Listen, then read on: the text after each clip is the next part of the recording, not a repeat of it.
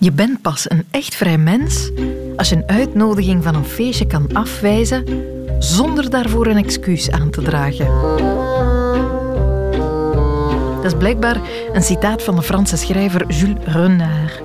Als dat klopt, dan zijn er niet heel veel vrije mensen in deze wereld. Hoeveel mensen putten zich op zo'n moment niet uit in het bedenken van een gepaste smoes? Heel graag, heel graag. Maar onze babysit heeft corona, dus ja. Of uh, ik moet dan naar dat andere feestje. Spijtig. En ja, oh, onze goudvis heeft diarree. Dus allee, ik kan niet weg. Ja, dat begrijp je. Heel raar, hè? Waarom we niet gewoon kunnen zeggen wat er echt scheelt. Hè? Ik heb geen zin. Of ik heb echt een rotweek gehad. En nu kijk ik eigenlijk gewoon uit naar een avondje pizza eten in de zetel en veel te vroeg in slaap vallen. Zover zijn we nog niet, helaas. Dus in afwachting van dat tijdperk van de vrijheid, laat ons onze smoezerij eens van nabij bestuderen. Welkom in de wereld van Sophie.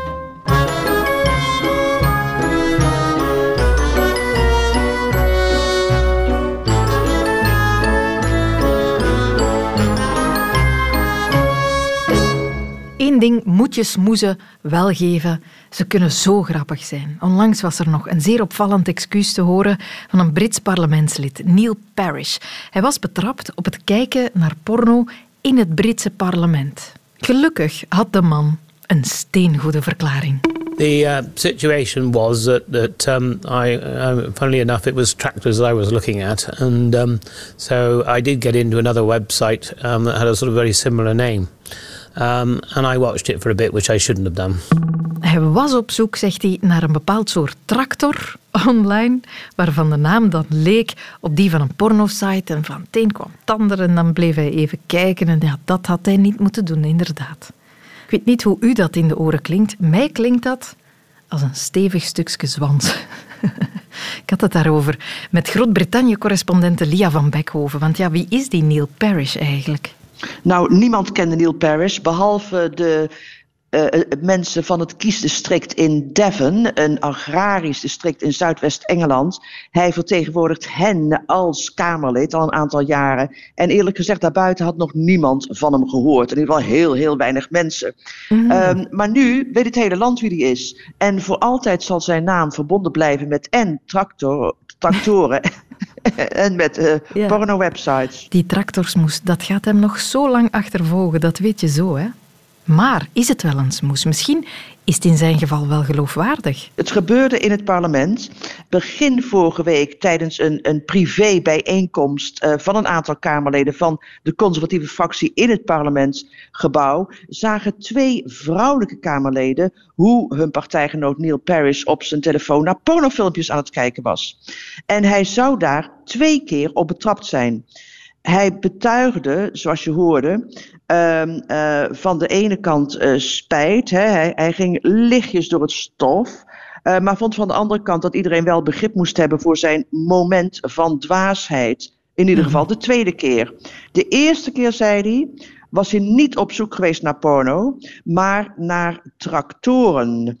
En nogmaals, hij is zelf een boer en hij heeft een, een tractor die Dominator oogstmachine heet. Uh, dus je kunt je voorstellen, een afgeleide van hè? Dominator, ja. Dominatrix, voel je hem? Ja, ja, ja, um, um, want terwijl zij Paris dus eigenlijk naar die tractoren op zoek was, werd hij bijna automatisch doorverwezen naar een pornosite. Daar heb ik mij dus suf over zitten piekeren. Hè? Welk tractormerk klinkt als een porno-website? Cornhub? Ucorn? Maar het is dus Dominator, Dominatrix. Bijna automatisch kwam je daar terecht. Dat lijkt me nu wel discutabel of dat wel zo vanzelf gaat. Je moet nog altijd klikken. Maar goed, maakt eigenlijk niet uit. De man is zijn job kwijt. Ja, kijk, um, het probleem is natuurlijk dat zodra je uh, beschuldigd wordt van dit soort zaken, en nogmaals, hij deed het niet één keer, maar twee keer, waarvan de tweede keer opzettelijk, um, uh, en je geschorst wordt als Kamerlid, dan heb je niet meer de steun van je partij. En eerlijk gezegd is dan eigenlijk wel het einde nabij. zonder steun van de partij kun je niet overeind blijven. Hij heeft mhm. het wel geprobeerd, hij trad niet meteen af. Hè. Ehm, eh, zeker niet de eerste dagen, want niemand wist om wie het ging. Maar drie, vier dagen later kwam zijn naam bovendrijven. En dat was eigenlijk het begin van het einde. Geen tractor heeft hem uit deze miserie kunnen slepen, helaas. Zelfs al was zijn verhaal waar, je denkt toch meteen, tuurlijk Neil, zeker dat. De meeste smoezen worden niet geloofd. En dat is eigenlijk dubbel zo intrigerend. Hè? Het is bijna een conventie. Ik doe iets mis, ik word betrapt, ik verzin er wat rond, wat onzin. De ander gelooft mij amper en zegt dan, allee, het is goed voor deze keer. Een totaal overbodige leugendans die we samen blijven uitvoeren. Zoals in de klas. Geen man of vrouw ter wereld is al zo besmoest geweest dan de leerkracht. Uitleg voor een onafgewerkte taak, bizarre verklaringen voor het te laat zijn, vreemde verzinsels voor de afwezigheid van boekentas en handboek. Het is dagelijkse kost voor de leraar. En het passeert, of toch redelijk vaak.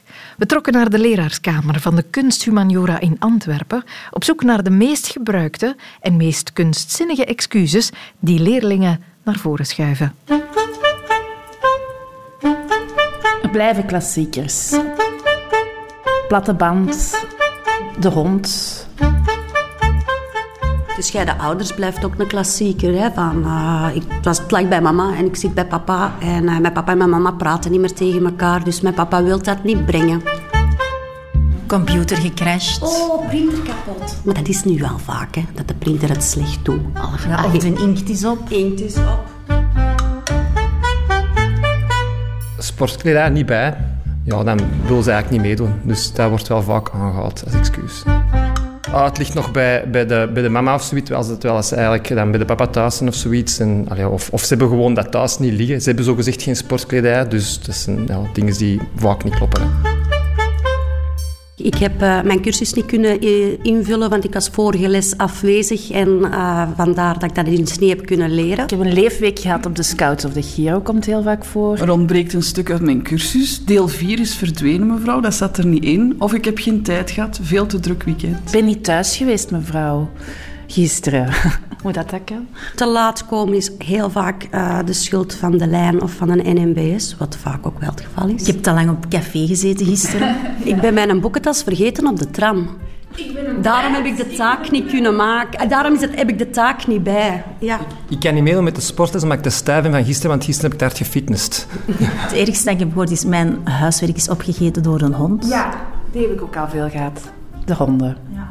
Of de stofzuiger.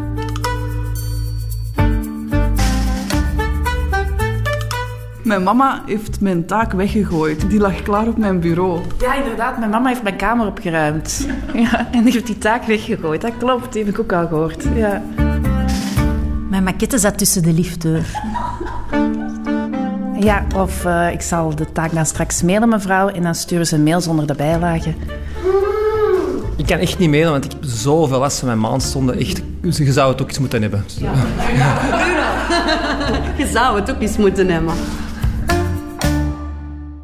Bij ons op school is het wel vaak, omdat dit een kunstschool is, dat ze het steken op de kunstvakken als ze iets niet hebben gedaan voor een algemeen vak. We hadden nog een repetitie, we hadden te veel werk voor ons beeldende vakken, uh, waardoor dat we eigenlijk een beetje schaakmat worden gezet. Want zij hebben moeten keuze maken tussen voor hun kunstvakken te gaan of voor hun algemeen vakken. En dat weten ze ook wel goed, dat ze daarop steken, dat we dan een beetje losser zijn. Ja, ze toch proberen het, het, het als groep op te lossen. En dat is wel moeilijker als leraar natuurlijk om daar tegenin te gaan. Ik heb wel eens enkele jaren geleden gehoord van het secretariaat dat er een dokter was met drie of vier verschillende handschriften. En dat hebben ze toen wel ontdekt en kunnen bewijzen dat dat uh, ja, vervalsing was. Ja, ik, ik, zij, zij, zij was zo vaak ziek en ze hebben die briefjes naast elkaar gelegd. En toen bleek dat dat dezelfde dokter was, maar met drie handschriften of zo. Enkele jaren geleden hebben we ook een meisje betrapt die uh, epilepsieaanvallen uh, fakte als excuus. En, uh, maar dan bleek dat eigenlijk dat hij helemaal kerngezond was. Uh, het lastige natuurlijk aan zo'n verhalen is dat dat eigenlijk allemaal ook wel echt waar kan zijn. Dat is een heel gevoelige kwestie. Maar het is ook gewoon lelijk als zo'n dingen gebruikt worden. Eigenlijk andermans miserie gebruiken uh, als uitvlucht om iets niet te willen doen, dat vind ik dan wel heel erg als dat uitkomt. Ook zo met ziektes faken is eigenlijk heel lelijk tegenover de mensen die dat, dat probleem echt hebben. Ik vroeg aan mijn zoon van tien, um, wat zijn er zo smoesjes dat bij jou in de klas gebeur, uh, gebruikt worden? En die is eigenlijk net hetzelfde direct. Dus de hond, de stofzuiger. Maar wat ik heel raar vond, was dat hij zei... Mijn oma is gestorven. dat zijn zo van die... Ik kan me dat niet voorstellen, dat kinderen van die tien dat doen. Maar toch zit dat daar ergens alle standaard in, in dat hoofdje. Die van de oma die sterft, die blijft inderdaad... Die zegt al denk het, het smoesje van 100 jaar. En er zijn, iedereen heeft gemiddeld 20 oma's. Of, Is die ooit al effectief gebruikt geweest? Bij mij is die nog nooit gebruikt, nee. Ik denk ook omdat ze dat wel weten, dat school dat tegenwoordig wel kan controleren. Ja, en bij mij ook, want ik wist dat dat geen smoes was, want die was aan het huilen. Dus ja. dan was het echt. dus dan was het echt. Dan pakt hier niet gaan zitten en maakt die, maakt die een toets en dat is echt...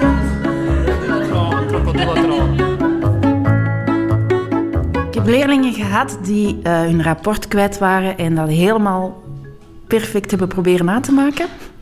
Dat vond ik nog wel creatief, ja. Toen ik zelf hier nog op school zat, was er ooit eens een keer een tram ontspoord hier in de buurt. En dat is zo wat tien jaar het uitvlucht gebleven voor de te laatkomers. Wat ook als smoes al gebruikt is geweest, is van ik ben gepakt voor een zwart rijden op de tram en ik heb mijn paspoort niet bij en daardoor heeft dat heel lang geduurd. Dat is een goeie, ja, maar dat is een goeie.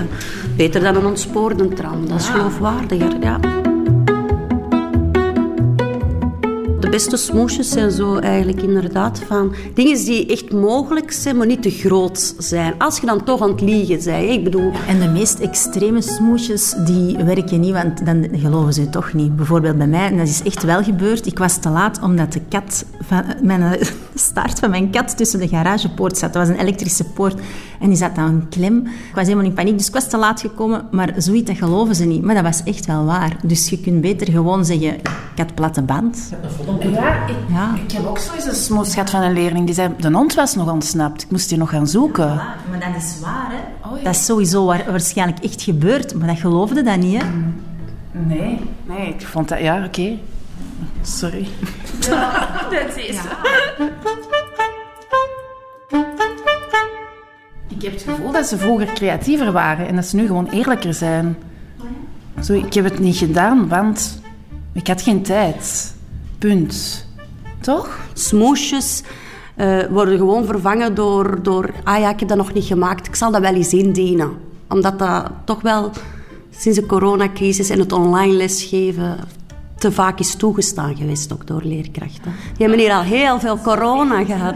Ja, ja. Maar dat is heel moeilijk om te controleren. Of uh, ik, ben in, ik ben in contact gekomen met iemand die een hoog risico is en ik ben nu ontwachten op mijn uitslag. Ik weet niet of dat smoesjes zijn, maar het is een gemakkelijke geweest wel de afgelopen jaren. Als uitvlucht om, om niet in orde te zijn of niet op school te zijn.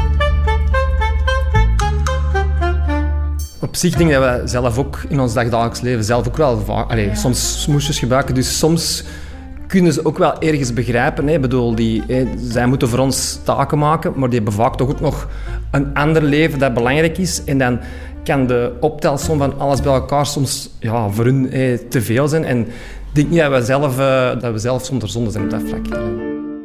Mijn dochter was bijvoorbeeld vorige week naar school vergeten te gaan.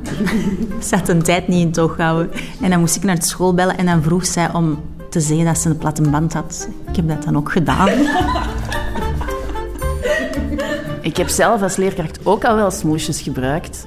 Ik weet niet of ik al op een smoesje betrapt ben geweest. Uh, ik ben eens een keer toetsen kwijtgespeeld geweest voordat ik ze verbeterd had. En uh, de leerlingen vroegen mevrouw, wanneer gaat u die toets eigenlijk verbeteren? Ik zeg, oei, ja, nee, die liggen nog bij mijn vriend en die woont in Gent. Ja, ik zeg dan, ja, ik heb, ik heb die, die opdracht al twee weken geleden doorgestuurd, maar die kopieën zijn nog altijd niet gearriveerd. Ja, jongens, ik ga dat nu eventjes moeten snel kopiëren. Oeh, Smart School werkte niet. Zoiets heb ik ook al wel eens gezegd. Ik heb dat erop gezet, hoe kan dat nu? Eigenlijk doen we vaak hetzelfde dan nu. Op onze printer steken. Je hebt ook als ouder vier uh, ziektebriefjes die je kunt inzetten zonder een doktersbriefje. En ik heb nu wel eerlijk gezegd zelf ook al wel zo'n briefje misbruikt bij mijn eigen kinderen. Voor iets leuks toe te gaan doen. Maar toen zaten ze dat wel. Nee, Bobbejaan Helemaal in het begin uh, was er zelf een leerling, die heb ik dat horen zeggen van... Ik heb mijn briefjes van de agenda nog niet opgebruikt. Ik moet die nog gebruiken. Dat is wel eerlijk. Ja. Ik had uh, standaard zo kaartjes met mijn ouders, hun naam en adres, zo witte kaartjes in mijn uh, rugzak zitten. Ik was nogal veel te laat. En ik schreef dan telkens, uh, Mieke voelde zich onwel deze ochtend, bedankt voor uw begrip. En dan het handtekening van mijn mama. En dat is altijd aanvaard geweest. Soms zie je heel creatieve dingen in het verzinnen van smoesjes. Dus misschien smoesjes als kunstvorm op de kunsthumaniora is, is misschien wel in ontwikkeling. Allee, er zit soms wel goede dingen tussen dat ik zeg van... Ah, daar zou ik zelf niet opgekomen zijn geweest. Dus het is een kunst op zich ook, hè, goede smoesjes. Kijk eens aan, zeg. Leerkrachten zijn al net zo bedreven in de smoeskunst als hun leerlingen. Nu, voor u, gesterkt door al die creativiteit, ook een nieuwe kanjer van een uitvlucht begint te verzinnen, weet dat er grenzen zijn aan je geloofwaardigheid. Je kan erover gaan en dat kost je dan wel wat. Sympathie, vrienden. A Cautionary Tale, u gebracht door Wart Bogaert. Het is zo een van mijn guilty pleasures om af en toe eens uh, op sites naar lijstjes te zoeken van doping-excuses oh, ja. bij sporters. Wat je daar allemaal leest, dat, dat, kan je, dat kan je niet geloven. Er zijn verhalen van, van een op doping betrapte sporter die dan bijvoorbeeld zegt van ja, maar ja, ik, ik had gisteren uh, in het huis van mijn moeder op haar aanrecht een brood gebakken een brood gemaakt, dus ook het deeg zelf gemaakt. En waarschijnlijk op haar aanrecht moeten resten hebben gelegen van geplette kankermedicijnen die zij neemt. En die moeten in dat deeg van dat brood beland zijn. En zo heb ik dat binnengekregen. Dat soort verhalen. Het doet wat denken aan die Russische turnster, nog niet zo lang geleden, op de Olympische Spelen. Of was het een schaatster? Uh, op de Olympische Spelen. En die had, daar was ook doping bij uh, aangetroffen in haar bloed. Maar ze stak het dan op dat ze gedronken had van de tas van haar moeder of haar Ja, het is altijd zoiets. hè? Ja. Uh, tongzoenen met een partner die toevallig medicijnen neemt. Met een paard. met een partner die toevallig medicijnen neemt, die op, de, op de lijst van verboden producten staat enzovoort. Het komt altijd op hetzelfde neer. Hè? Dat product, oké, ja, dat zit in mijn lichaam, maar ik heb dat daar zelf niet ingestoken. Ja, er en is ik iets, wist van niks. Ik wist van niks. En dat is altijd een beetje zielig maar toch ook zeer vindingrijk. Wat ja. uh, te stimuleren valt, vind ik, uh, vindingrijkheid. Um, maar als we dan toch vandaag een trofee zouden moeten uitreiken voor de koning of koningin van de, van de potgerukte dopingsmoes, ja. dan zou ik geen seconde twijfelen. Ja? Ik zou die uitreiken aan mevrouw Fatima Mahama Yvelin. Oké.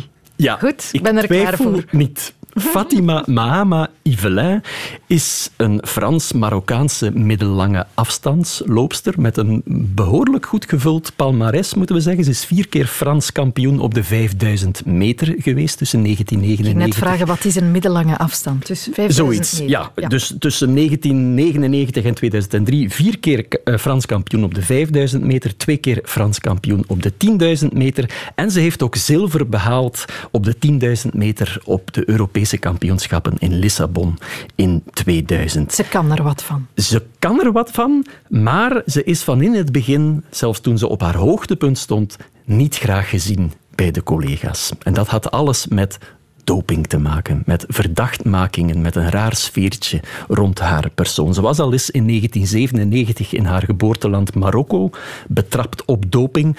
Ze kwam toen ook al met een smoes dat het met een uh, medische fout te maken had, dus ze, ze nam absoluut niet de verantwoordelijkheid. Ze werd dan geschorst in Marokko zelf, maar dat weerhield haar er niet van om in de periode dat ze geschorst was in Marokko toch nog in Frankrijk aan wedstrijden deel te nemen, waarmee je natuurlijk onder collega's niet bepaald populair eh, maakt. In 1999 wordt ze dan Frans kampioene op de 5000 meter. Uh, een Blandine Bitsner-Ducret, die wordt daar tweede, geeft een interview meteen na de wedstrijd in volle emotie. Dat is meestal geen goed idee.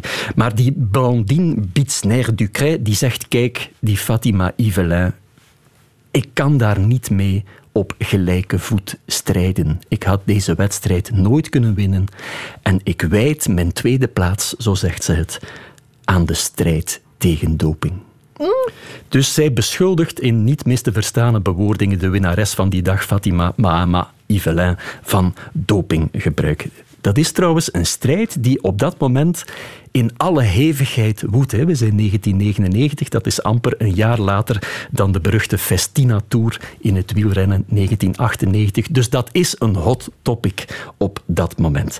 Um, Fatima Yvelin, wat, wat, hoe reageert hij daarop, op dat interview van Blandine Bitsner? Die daagt Blandine Bitsner, haar collega, voor de rechter voor laster en eeroof. En ze eist 200.000 Franse francs van die Blandine Bitsner ondanks het feit dat Blandine zich al uitvoerig persoonlijk en bij de entourage van Fatima had geëxcuseerd voor haar uitspraken. Opnieuw, ze maakt zich daar helemaal niet populair mee, dat kan je je mhm. voorstellen. Maar wat gebeurt er dan?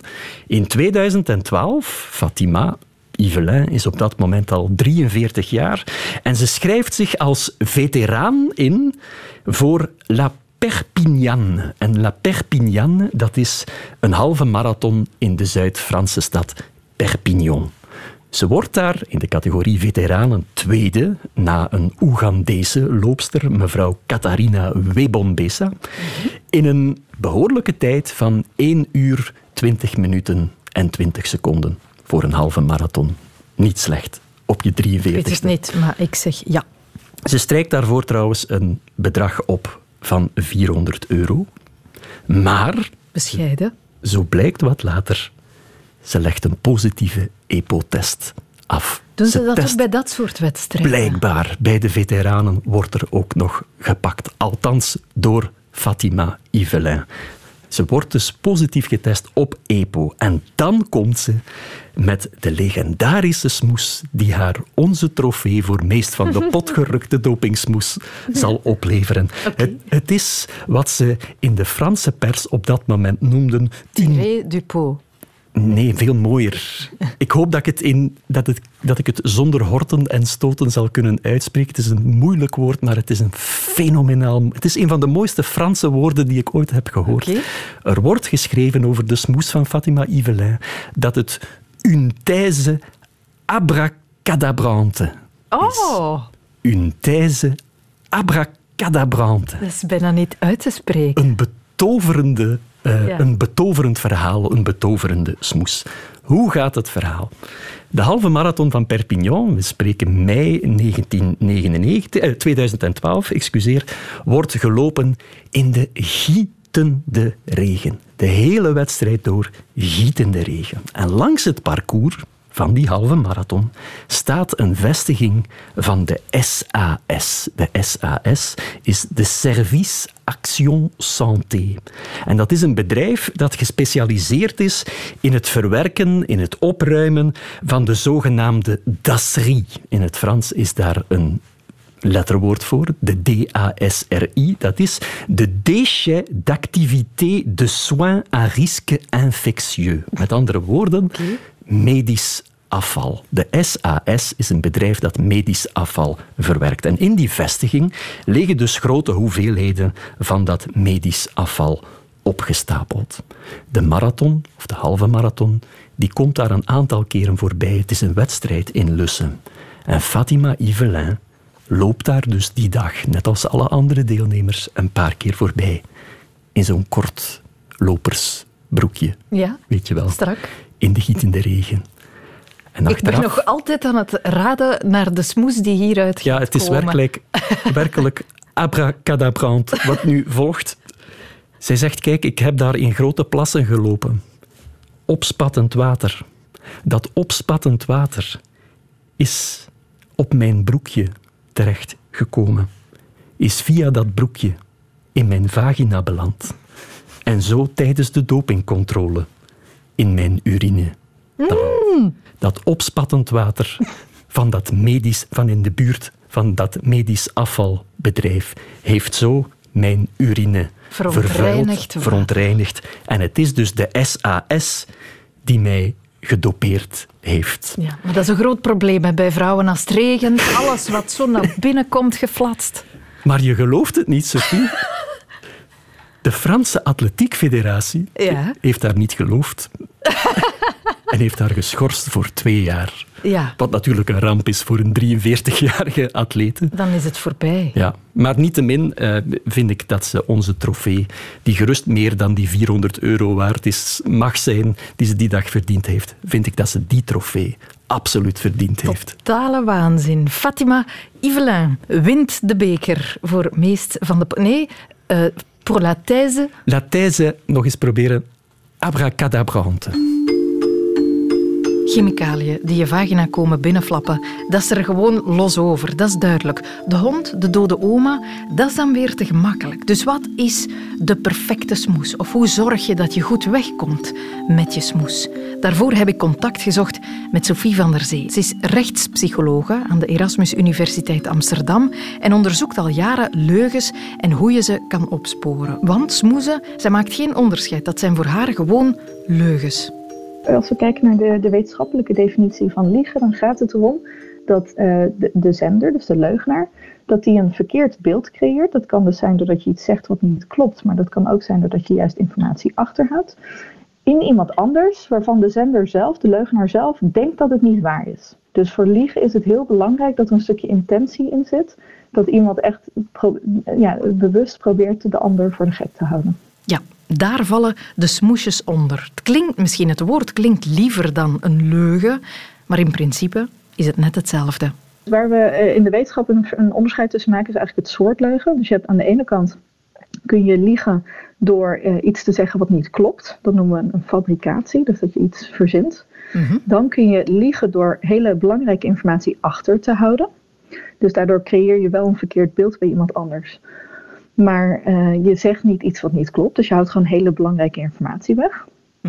Je kunt natuurlijk overdrijven, dus het, het is ongeveer zo gebeurd, maar je maakt het veel groter. Of je kunt iets juist minimaliseren, dus veel kleiner maken. Van ja, je hebt dat wel gedaan, maar dat is eigenlijk ook een beetje wat, eh, wat Parrish probeerde. Van ja, ik heb wel gekeken, maar ik bedoelde het eigenlijk niet. Ik was eigenlijk naar iets anders op zoek en ik kwam het alleen maar heel even langs en dat heeft toevallig iemand gezien. Dat is minimaliseren en dat is gewoon een type leugen die je kunt vertellen. Waarom krijgen sommige smoesjes dan toch een soort aura van onschuldigheid, deugenieterij, minder erg dan sommige andere leugens? Wel, zei Sophie van der Zee, er zijn bepaalde aspecten van de leugen die bepalen hoe erg we een leugen vinden. Eh, wie heeft er baat bij? Degene die de leugen vertelt of iemand anders, bijvoorbeeld de ontvanger. Dus bijvoorbeeld eh, als je een complimentje geeft om iemand anders een goed gevoel te geven, dan heeft de ander heeft er baat bij. Dat vinden we eh, makkelijker en prettiger en beter dan als je een leugen vertelt om zelf ergens mee weg te komen, zoals Parrish heeft gedaan. Of neem je bijvoorbeeld iemand in bescherming door te liegen. Nou, dat, dat vinden we ook eh, prettiger dan als je jezelf beschermt. Dus dat is één. En de ander is, ehm, heeft het te maken met iets emotioneels of eh, psychologisch. Dus bijvoorbeeld een complimentje om je beter te laten voelen. Of heeft het te maken met iets materieels, iets, iets financieels bijvoorbeeld. Dus heb je iets gestolen of heb je iets heel slechts gedaan, heb je iemand pijn gedaan. Dus, best gewaardeerde leugen, amai, zo'n schoon kleed, dat is sowieso iets anders, hè? Slechtst gewaardeerde leugen, ik heb uw goudstaaf totaal niet gestolen. Jesus, zo aanvallend. Kling, goudstaaf, valt uit broekzak. Zoiets dan. Maar nog, wat kenmerkt nog een goede smoes of smoesgebruiker? Eh, een hele belangrijke factor is ja, goed een, mak- een, een, een goed verhaal kunnen vertellen. Dus een, een charismatische spreker zijn eigenlijk. Ah ja. Eh, dus dat is een hele belangrijke factor. En sommige mensen zijn dat natuurlijk meer dan anderen. Maar dit is wel iets wat je ook kunt oefenen. Dus dat is, eh, dat is één. We weten ook dat mensen die bijvoorbeeld fysiek aantrekkelijker zijn, eh, vaker geloofd worden dan mensen die wat minder fysiek aantrekkelijk zijn. Nou, en fysiek aantrekkelijk, dat is natuurlijk ook iets wat sommige mensen wat meer hebben dan anderen. Maar aan de andere kant ook wel iets waar je met kleding of make-up of een kapsel natuurlijk wel wat mee kunt doen.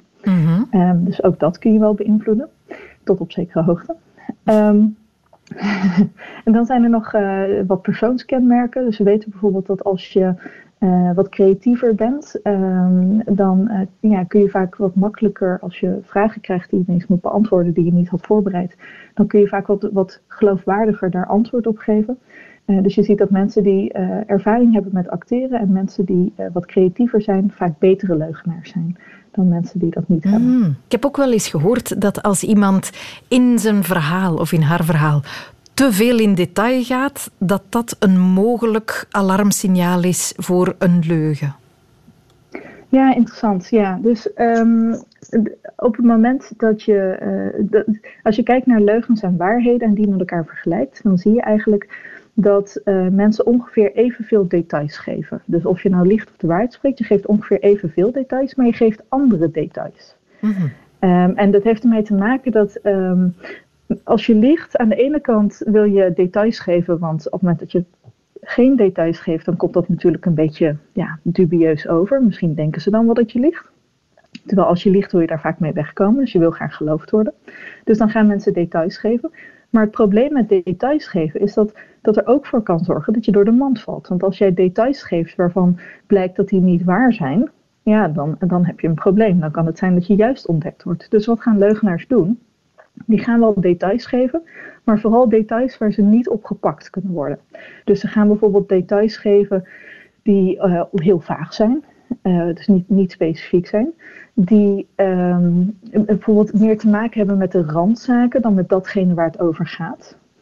Um, en je ziet dat um, mensen die liegen, dat die vaak minder details willen geven die eventueel gecontroleerd zouden kunnen worden. Ah, ja. Dus je gaat eerder zeggen, ik ben gisteravond uh, in mijn eentje thuis geweest. Uh, dan dat je zegt, ik ben gisteren met drie vrienden in de kroeg geweest en je kan de barman bellen, want we hebben aan de bar gezeten en die herinnert me nog wel. Dat, mm. Dus iemand die de waarheid spreekt, die zal eerder uh, details geven van, oh ja, nou dat zou je daar kunnen checken. Of kijk eens naar mijn OV-chipkaart, uh, die hebben we in Nederland. Mm -hmm. um, terwijl mensen die liegen, die proberen zo min mogelijk details te geven die je eventueel zou kunnen controleren en daarmee dus door de mand zou kunnen vallen paar goede tips om in het achterhoofd te houden. Overtuigend vertellen, kies je details bewust, doe wat make-up aan en oefen je creativiteit. Als je natuurlijk graag veel en goed wil liegen natuurlijk. Wat we voor alle duidelijkheid ook allemaal doen. Iedereen liegt, dagelijks. Ik vroeg Sophie van der Zee waarom we ons eigenlijk daarmee bezighouden. Waarom we niet gewoon een feestje annuleren door te zeggen, weet je, ik heb eigenlijk gewoon geen zin. Ja, nou, we, we, leven natuurlijk in een maatschappij met heel veel impliciete en expliciete sociale normen. Um, en ik, ik, denk dat één daarvan, um, of, of, dat wat ons leven ook soms wel ingewikkeld maakt. En dat dat er soms ook wel juist voor gaat zorgen dat we gaan liegen. Op het moment dat het geaccepteerd zou worden door je omgeving, dat je gewoon zegt: hé, hey, eigenlijk, ik heb een drukke week achter de rug ik weet dat je een feestje geeft vanavond. En ik had het heel leuk gevonden, maar ik, ik, nee, ik, ik, kan het, kan het er gewoon even niet bij hebben. Of ik wil gewoon niet. Ik wil gewoon vanavond even thuis blijven. Als het geaccepteerd zou worden dat je dat zou zeggen, dan hoeven mensen niet te liegen. En nu zie je vaak dat mensen een smoesje gaan verzinnen, dat ze een leugentje vertellen waarom ze niet kunnen, terwijl ze eigenlijk wel zouden kunnen, maar gewoon niet willen. Misschien gaan ze liever wat anders doen, misschien willen ze gewoon een avondje thuis blijven. En dat heeft natuurlijk wel iets met de, met de cultuur te maken. En je ziet wel dat de maatschappij de laatste jaren ook wel door social media en het feit dat iedereen eigenlijk de neiging heeft om een beetje op die, de stoel van de rechter te gaan zitten, mm-hmm. de cancelmaatschappij of de cancelcultuur, um, dat, dat, uh, ja, dat dat er wel voor zorgt dat mensen minder makkelijk uh, voor hun fouten uit durven te komen. Want ja. op het moment dat je dat doet, dan valt meteen een heel land over je heen.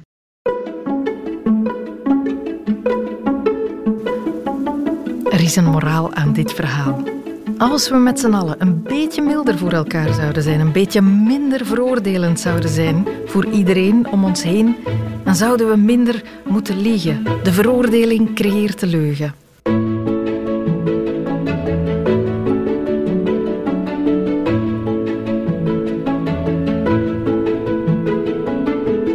Was de wereld van Sophie over smoezen. Hopelijk vond u hem interessant en bent u zeer benieuwd naar onze volgende podcast. Ik ben daar zelf ook zeer benieuwd naar op dit moment. Moet nog gemaakt en bedacht worden. Uh, maar Swat, die is er volgende week vrijdag.